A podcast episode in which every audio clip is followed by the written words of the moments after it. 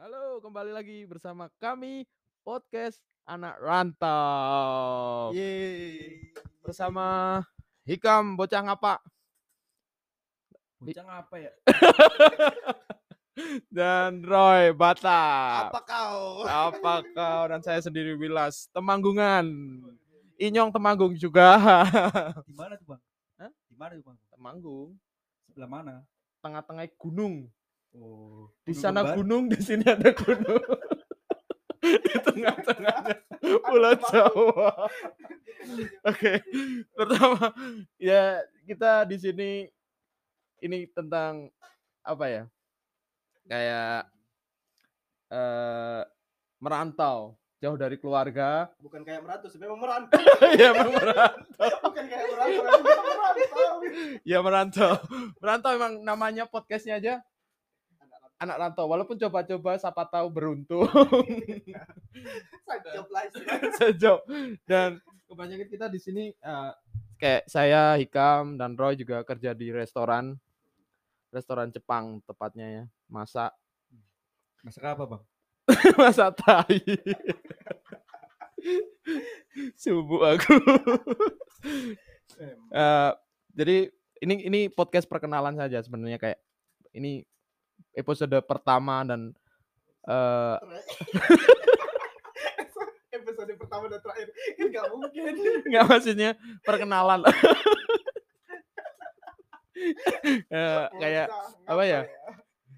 perkena Ini bukan eh, kayak eh perkenalan aja awal awal awal awal kita emang kerja di sini jadi saya akan tanya sama eh, Ikam sama Roy juga kayak gimana sih kerja pertama di Amerika yang katanya land of the dream Wih, benar benar. Nggak, mimpi sih bisa. Iya kan? kayak bermimpi yang Bermimpi bisa kerja di Amerika tuh. dulu Enggak juga sih bang. Gue mikirnya di Indonesia nggak dapat kerjaan soalnya bang. susah cari kerja. Iya Sa- bang. salahnya Jokowi dong. Kita nggak boleh gitu. Oh, nggak boleh gitu. Sorry Pak Jokowi. Ini bercanda sih. dan eh, eh, sebenarnya kan kita ngejar mimpi ya kan? Land of the dream. Yang semuanya katanya bisa kita raih di Amerika. Ya nggak? Iya kan? Katanya. Katanya. Cuman tapi satu- cuman satu kita ya. juga sekarang kenyataannya this is land of the dream.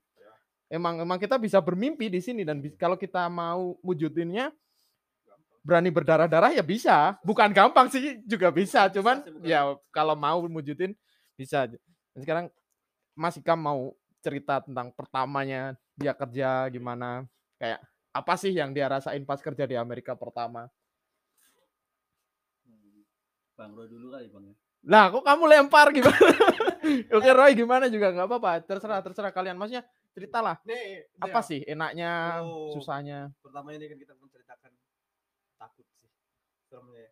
Pertama itu dari, woi ya kan, aku kan itu kan minta eh, apa itu cari lowongan kerja itu kan dari Mas Bang Willy namanya. Bang Ya. Willy dari Bang Willy eh, kenal itu, kenal sehari bisa itulah namanya ketemu berdoa.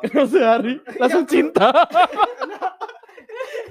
kenal kenal sehari bisa dapat dapat pekerjaan kayak gini gitu. Pekerjaan yang waduh mimpi sih sebenarnya bisa masih kerja kayak gini. Terus ditelepon video call sama video call dulu sama Mas Wilas sama Bang Willy. Terus udah video call udah excited kerja di Amerika Amerika coy gitu. Amerika coy. Amerika, coy. aku pikirnya itu oh nanti aku di Amerika tidur itu sebulan sebelum aku berangkat itu udah kan oh aku nanti bisa jalan-jalan ke New York jalan-jalan ke Los Angeles gitu. Dengan pakai musik story itu New York. In New York. Nah nah nah nah in New York. Nah, pokoknya itu mimpi sih mimpi pikirnya. Nah terus sampai situ dijemput Mas Wilas di bandara. Serem banget saya itu sumpah takut banget. Rambutnya panjang brewok. Gila ini aku mau aku dikerjain atau aku mau di mana eh ternyata orangnya baik banget bantu aku di sini lah. Pekerjaan itu di Amerika itu ya kayak mana ya? Pekerjaan di restoran. Excited sih walaupun nggak bisa apa-apa. Belajar dari nol. Semua Mas Wilas yang ngajarin. Yang ngajarin itu dari motong pertama motong-motong itu. Potong apa? Jadi kalau kerja di restoran itu kan kita prepare dari nol ya kan? Dari nol. Berarti kalian kan kerja dari nol ini. Iya. dari dari prepare barang-barang yang mau dimasak Iya. apa, apa dan masak juga kan? Berarti kalian masak kan juga di Iya, sini kan? dan ini belum ngomongin gaji ya. Aku skip dulu gajinya Gaji. tak skip dulu ke belakang. Kayak seneng apa enggak sih sebenarnya kerja di ini kan banyak pertanyaan mesti yang dari Oh, kayak netizen netizen yang budiman. Wis. kan mesti nanya sih enak nggak sih kerja di Amerika? Nggak enak nggak? Eh lu belum belum cerita pertamanya dulu. Oh ini si si si si ini dulu. Ikam. Ini Ikam dulu. cerita dari pas ya lu sini. lu sampai kerjaan yang kemarin yang sebelum pindah. Ya gimana sih kerja? Masa first time yang yang lu oh ini kerja yang Amerika gitu. Yang bener di land of Amerika gitu. Pertama sih gue pas baru nyampe ya apa ya bilang nggak enak. Iya bilang enak. Enggak sih. Maksudmu gimana? Maksudnya gimana? Gimana? Enggak enaknya apa? soalnya apa ya bang habis pulang kerja gitu kan? Hmm? di kamar terus. Pas kamar libur terus. juga di kamar. Ya ya itu karena lu kan pertama dan iya. Dua bulan di sana bang dua bulan? Dua bulan. Hidup kayak gitu? Iya. Mana pertamanya? state state-nya mana di South Dakota bang South Dakota itu kayak pelosok gitu lah bang kayak ibaratnya kayak Jawa. misalnya nih Jawa Jawa. Tengah nih Hmm. mana tuh Ibu Miayu. Brebes bang di Brebes Iya, bang. jadi Susah bang mana-mana bang jadi ke Walmart aja sebulan sekali Wah, enggak bang. Kemarin dua bulan enggak keluar. Bang.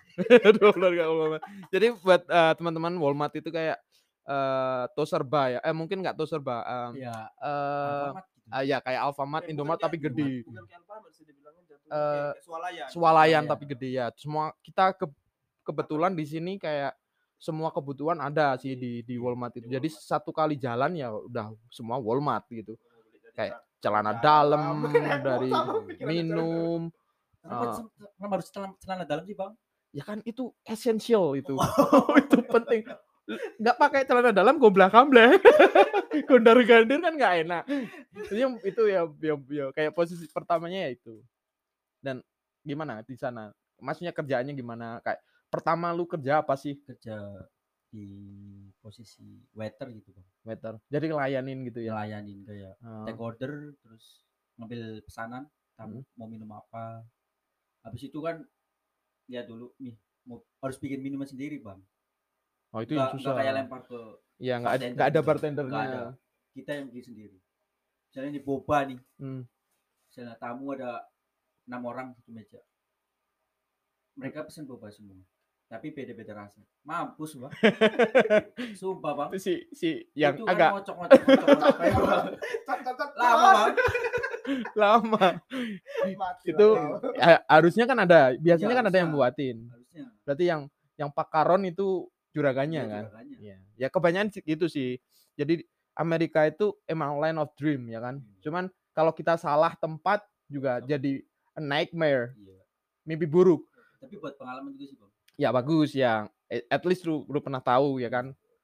The worst thing gitu kan. Iya. Yang yang berat kerja kayak apa, yang istilahnya 12 jam straight kan. Mungkin mungkin kerja terus nggak ada break. Iya dari jam 11 Dari 11. pagi, Kerja apa dikerjain bang? Jam 11 sampai? Jam 11 pagi sampai jam 10 malam. Itu setengah 10 eh tutupnya sih aslinya jam setengah 10 hmm, take order terakhir la- last order tuh buat dining jam 9 Waduh. jam 9 bang. Tapi selesai? Itu kan baru kelar jam setengah 10 orang makan setengah jam lah paling Iya, cepet, paling paling cepet cepet. makan di Iya. Amerika setengah jam. nyampe pernah bang terakhir nih tak tungguin depannya duduk bang Udah selesai. duduk sambil pegang muk Mop. iya. Sebenarnya itu nggak sopan sih. Ini sebenarnya langsung Sebenarnya nggak sopan ya untuk tapi untuk. juga gitu Soalnya kayak eh, kayak di Amerika ini kan pelayanan kan, Pelayanan. Eh, service number one. Jadi di eh, untuk restoran di Amerika kayak kita yang tempat kita kerja di di sini di Amerika kan kita ju- nggak ju- cuma jual makanan sebenarnya, service. Iya, Service itu kayak juga yang hal yang dijual sama sama pengusaha-pengusaha restoran gitu. Tapi karena mungkin karena manajemennya yang buruk, ya jadi kan minim eh, kayak sebenarnya di restoran itu kan ada eh, yang namanya eh last order sebenarnya. Ya 15 menit minimal itu biasanya itu 15 menit kan dari dari apa namanya? dari tutup Dari tutup, dari tutup. Dan kalau kayak gitu kan sebenarnya manajemen harusnya bisa neker. Istilahnya kalau oh, overtime kan harusnya dibayar. Kalau kalau itu kan nggak dibayar ya. nggak dibayar kan? Iya. Mungkin ya ya itu pelajaran buat kita lah gimana eh, baik buruknya kerja di di restoran bisnis ya kan Iya. karena memang servis. apalagi kalau waiter kan ngandelinnya aslinya kan tips kan Sebenarnya Tip, tip tip. ya, Ya, di sini kan basic tip. Ah, Iya. Kalau orang belum tahu ya kalau di Amerika itu kalau server itu gajinya berdasarkan tip. Iya. Ya, tapi kemarin bang aku nggak boleh ngambil tip ya itu even tamu langsung Ngasih. gitu. ngasih hmm, ke tanganku Diminta? nggak boleh disaku. CCTV di mana-mana bang Sedih banget, kayak ada lah berarti itu setiap pojok ada bang penjara. iya bang Itu penjara apa restoran aku pernah ngambil bang ketahuan di sidang. di sidang bang Sambo, Eh, sambo. kamu, masih, kamu masih muda loh kamu masih muda aku nggak mau penjarain kamu Wih, sedang banget dong. Memang aku kan ngasih kamu kesempatan kedua sebenarnya itu nggak bisa nggak ada si dasarnya bisa penjarakan itu kan memang Iya. tamunya Iya, yang tip Kita kan. gitu. Kan tamu ngasih ke kita Iya, Ya, itu sebenarnya ya ya tip itu adalah hak dari so- se- se- eh, sebagai waiter itu punya hak dengan tipnya dia. Karena seorang waiter itu kan servis yang dijual dia juga. Kalau kalau tipnya diambil mau makan apa istilahnya kan Iya. gitu. Sedangkan di Amerika eh, okupasi buat eh, seorang waiter, seorang eh, server itu kan depend dari berapa dia dapat tip, gimana dia servis tamu. Hmm. Dan kalau kalau tipnya aja diminta sama bosnya, gimana mau dia servis bagus? Istilahnya kan Iya. gitu. jadi males kerja. Iya, gitu jadi kan. malas kerja. Iya, itulah. Kadang ya nggak semua restoran jelek, nggak semua restoran bagus. Jadi ya tergantung manajemen sih menurutku yang gimana. Sebenarnya ya kayak tip semuanya kan tergantung manajemen gimana. ya. pernah nyampe tamu ini tip buat kamu ya gak usah loh kenapa percuma. Nggak aku ambil. Jadi tip gitu ya. ini masuk ke mana? Ya ke restoran. Lah kamu nggak dapet enggak udah dihapus aja. Ah, ini dicoret bang. Sumpah bang. Coret Iya dong. nyampe pernah nih. Maksudnya gak usah. Gitu. guys gak usah. Disaku ya? Gak usah. Gitu. udah mending bawa aja. Gitu. Nyampe it, apa orang tamu reguler lah. Biasa ke situ udah akhirnya nggak pernah ngasih tip lagi Oh. Kayak apa sih sampai sekarang pas aku pamit izinmu ini terakhir ini terakhir lah kenapa ya udahlah mending cari yang lain aja yang jangan yang nangis pahit gitu. Jangan nangis. oh iya udah. Jangan nangis, jangan nangis. Semua Jangan itu nangis. di, Bang. semua ada hikmahnya. Kita doakan aja lah. Ya, yang terbaik lah. Ya semoga sem- kena ajab lah. ya. Tapi maksudnya dia bisa pas mereka bisa. ya bang? Saya kira dapat lebih baik loh bang. Enggak nanti juragannya Oh, tuh parah lagi juragannya bang. tuh mati karena Oh jadi itu. Mati, mati karena kebanyakan makan enggak enggak. Berarti itu first restoran ya. Iya, Ah, iya. maksudnya restoran pertama terus pindah ke pindah ke New Orleans New Orleans. iya New Orleans. New Orleans. Iya dasar ngapak ya Iya. susah. New Orleans. Terus New gimana itu ceritanya di New Orleans gimana? pas nyampe New Orleans udah panas banget bang panas Panas ya Panas, bawah. parah. Ya state bawah Ya, biasanya iya. panas. ya memang kalau nyampe nya summer ya panas kondisi Oh, iya. panas bang gimana ya Enggak bang pas dari bandara cepet sama bos. Wih, itu langsung ke restorannya. Wih. terus? Tak kirain ini doang apa kenalan restoran doang gitu. Langsung kerja? Langsung kerja bang. Langsung kerja. Itu berarti New Orleans tempat kedua. tempat kedua. Oh. langsung kerja. Habis itu aku protes. Ini koperku masih dalam mobil, Mobil. gimana kalau istirahat dulu gitu. Yaudah sana ambil aja kopernya terus ke sananya gimana itu kan ada rumah besar tuh di sana Hmm. mau jalan kaki di sana Lu disuruh jalan kaki dari kaki. restoran. Jalan Shit, kaki, man. jalan kaki lima menitan lah bang cuma kan bawa Jalan koper, gede, bang iya bawa koper lagi. Iya. sampai sana nggak ada kamar bang Tidurnya di mana lu? di ruang tamu kotor banget ruang tamunya parah di sofa sofa juga kotor Gatel nggak lu? Enggak Gak kurap tahu enggak. bang aku nggak mandi juga Tapi kan enggak bawa kurap lo ke sini. enggak anjing Sorry, bang Jadi ya ya begitulah. Kayak kita nggak nggak walaupun ini em, tanah mimpi ya, Tanah land mimpi. of dream ya kan. Oh, dia bilang, "Oh, Amerika, gajinya dolar bla bla bla bla sebagainya, enak kerja di sini." Ya, ini yang kita rasain gitu. nggak semuanya itu enak, nggak semuanya itu kayak fun dan sebagainya. Ya kita semua ngerintis semua kan dari nol ya kan istilahnya semua kita kan di sini nggak semua langsung 100 opan 90% 100% kan. Kita Iya. dari 0 ke 10% ke 30%. Ya, itulah yang kita lalui ya kan istilahnya. Ya rantau, ya enak dan nggak enaknya berarti kan gitu. Nggak semuanya enak yang straight enak kayak si si si siapa namanya? Si Hikam dia pernah ngerasain restoran yang tanpa tip, yang tidur di eh, ruang tamu, nggak semuanya enak gitu. Tapi terkadang kita juga bakal dapet enak, ya kan? Itu pasti. Nggak roda itu berputar, ya kan? Kalau kita mau putar ya gitu sih. Ya kalau kita mau berputar, ya kan? Dan kalau direm gimana bang kalau direm mandek. Jadi ya itulah kayak Ya. nggak nggak semua yang kayak di pikiran eh, mungkin eh, orang awam yang belum pernah kerja di Amerika mungkin bilang wah enak ya kerja di Amerika gajinya dolar bla bla bla. Ya ya itulah itu yang bagian enaknya Enaknya. mungkin ya. Cuman kayak kayak susahnya ya kita share di sini. Nggak semuanya itu tapi itu enak nggak enaknya lucu. Ya jadi jadi itu Pengalaman. ya pengalaman yang yang mungkin besok lain kali kayak sekarang ini kita ceritain lagi dan jadi lucu. Dan ada cerita lagi kayaknya nih dari si Roy yang kemarin minggu kemarin habis ketangkep polisi gara-gara itu itu adalah. ya.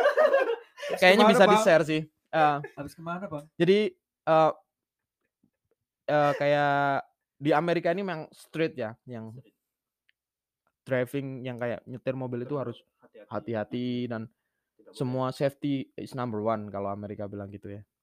Jadi kalau orang mabuk di Amerika itu kalau ketangkap polisi masuknya penjara. Ya, jadi ini awal ceritanya. ya. Jadi si Roy biar cerita sendiri gimana ya kan. Hari apa itu? Itu hari Ini ya, eh, Selasa. Ya seperti malam ini ini ya. Oh, sebenarnya yang- yang ya paling sebelum Ingat itu yang paling tepatnya 17 Agustus. Ya, Indonesia 17 Indonesia merdeka. merdeka 17 Agustus Oh, ya. Indonesia merdeka, saya Karena- tidak merdeka. Karena kita habis kita habis kerja bakti bersihin bersihin toilet. Kita masih ingat ya waktu itu kita bersihin toilet ya. Terus saya merasa, merasakan merdeka. saya merasakan masa penjajahan di jalan dua jam itu. Pertamanya tuh saya, oh diajak kan, oh ayo kita ke mana? Karena pertama oh, bareng sama teman. Iya. dari, ya, dari Dari Myanmar, Myanmar. Mr. Chung. Mr. Chung. Terus diajakin. Pertama ini pulang pulang pulang gym, pulang gym habis itu bersihin kamar mandi terus itu rencana sih nggak ada gitu. Memang kalau naas itu nggak bisa ditolak gitu. Dah terus, terus dia udah ayo gitu, ayo dong gitu. Dan terjadilah Dan itu. terjadilah. Di sananya enak, dik dik dik dik dik, eh musiknya ajep ajep ajep ajep Dan- ajep jeduk. Jeduk jeduk gitu. Wih. Buat disclaimer aja, mereka pergi ke tempat yang namanya strip club. Strip club. Jadi di Amerika itu ada na- namanya strip club. Jadi sama kayak clubbing gitu, cuman kita bisa lihat orang striptease Strip. alias orang nggak pakai baju dan joget sana kemari teteknya gondal gandul Dan- nggak bisa pegang. nggak bisa pegang cuman ya lihat dola, doa dan kita bisa minum di situ dan mereka minum apa. Bang? Bir. bir mungkin nggak tahu Nggak tahu sih. Aku sih dan teman- mereka ya mereka ber- pergi berdua dan tuh everything fine until sampai selesai, driving sampai ya di driving. jalan on the way itu- home Enggak. bukan oh, oh, dia mau mau ke- pindah mau pindah strip club Mau pindah ke strip club. Strip. Iya dong. ya Soalnya Nah.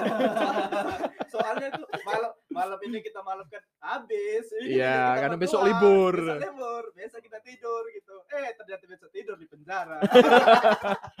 dan dan lucunya lagi itu itu sebenarnya nggak mabuk sih kayak human error aja jadi supirnya itu mau buang enggak mau buang ke permen karet. permen karet. Jadi pas dia buang permen karet si si setirnya itu mungkin Ke kanan kanan, kiri.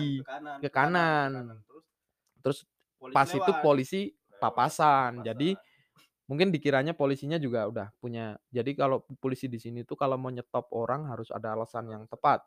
Jadi waktu itu mungkin alasannya juga tepat karena dia karena nyetir di sini nggak kayak di Indonesia coy. Kayak eh, lu bisa bisa di tengah garis, bisa nganan kiri tanpa ngeriting yang lu bisa selip kanan selip kiri. Di sini nggak, di sini straight kayak eh, lu orangnya ya bagusnya sih gitu. ya bagus ya safety emang safety number one. Jadi kalau lu nyetir ya kalau di kiri kiri, kalau kecuali mau mau mau nyalip kanan ya.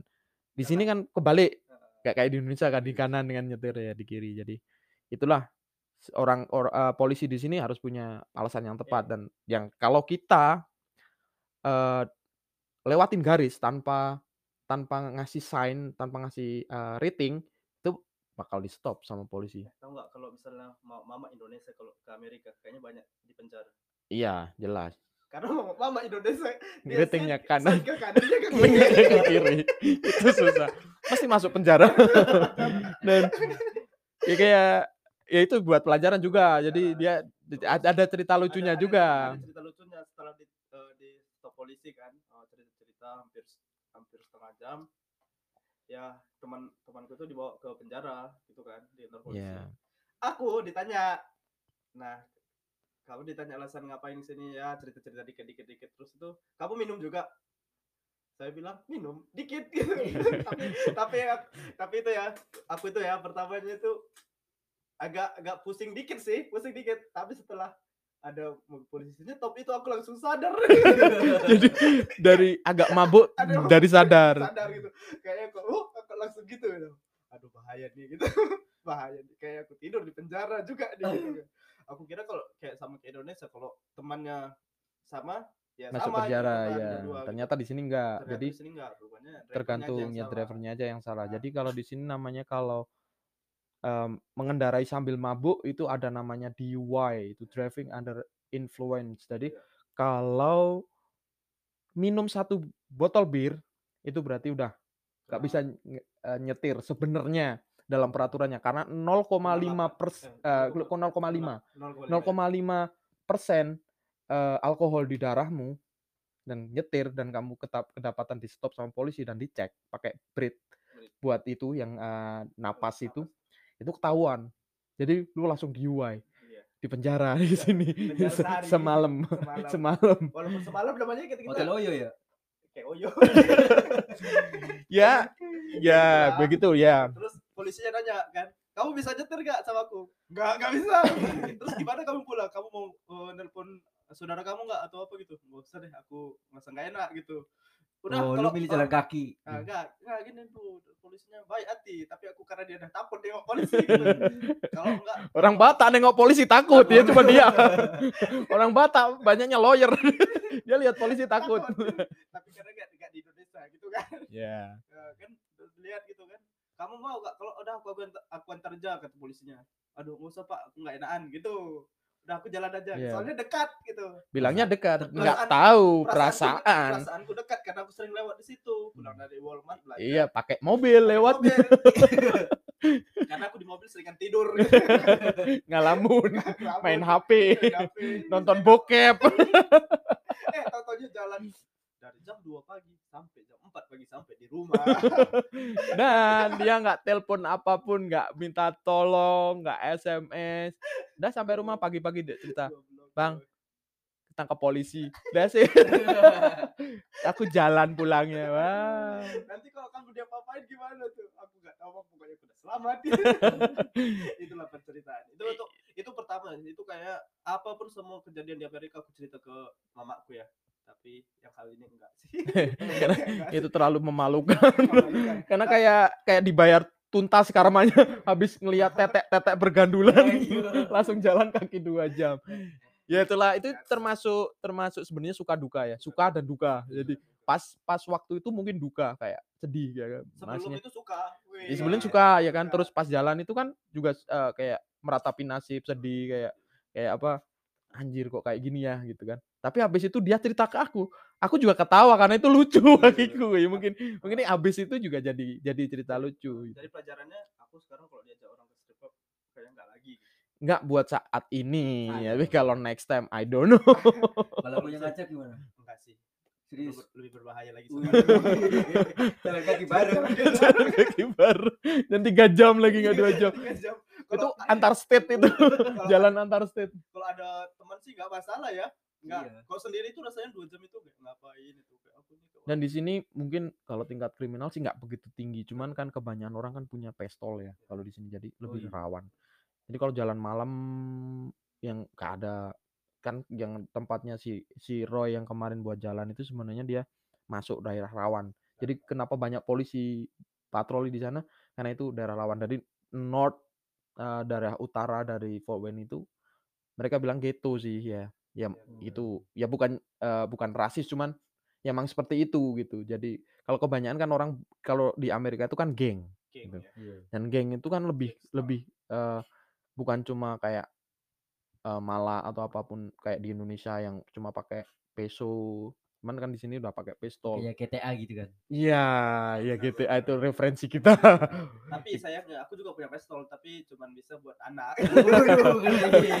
Itu namanya bunuh- pistol gombyo bukan bisa buat Eh, bukan bisa bunuh orang gitu. Pantesan tiap hari ngecimbang, Iya dong. tapi gak ada yang dikejot. Eh, dan ya ya itulah cerita. cerita suka duka ya ini ini episode pertama kita Iya sih. The beginning the beginning tapi ya tapi aku kayak nggak pernah merasakan yang kayak sedihnya kayak si Ikang belum nggak pernah sih puji Tuhannya ya puji Tuhan itu nggak pernah merasakan yang kayak juragan aja nggak baik orang-orang yang nggak baik aku sih. Aku kan sedih juga kemarin. kenapa Antar sedih sama ngakak sih. Kenapa? Yang itu baru berapa minggu yang kena cari kena pisau.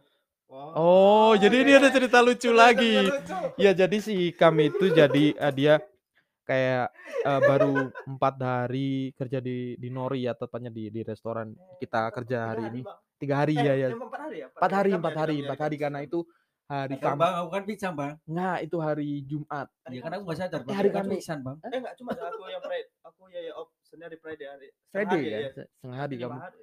Ya lima hari ya dia kerja lima hari di di restoran.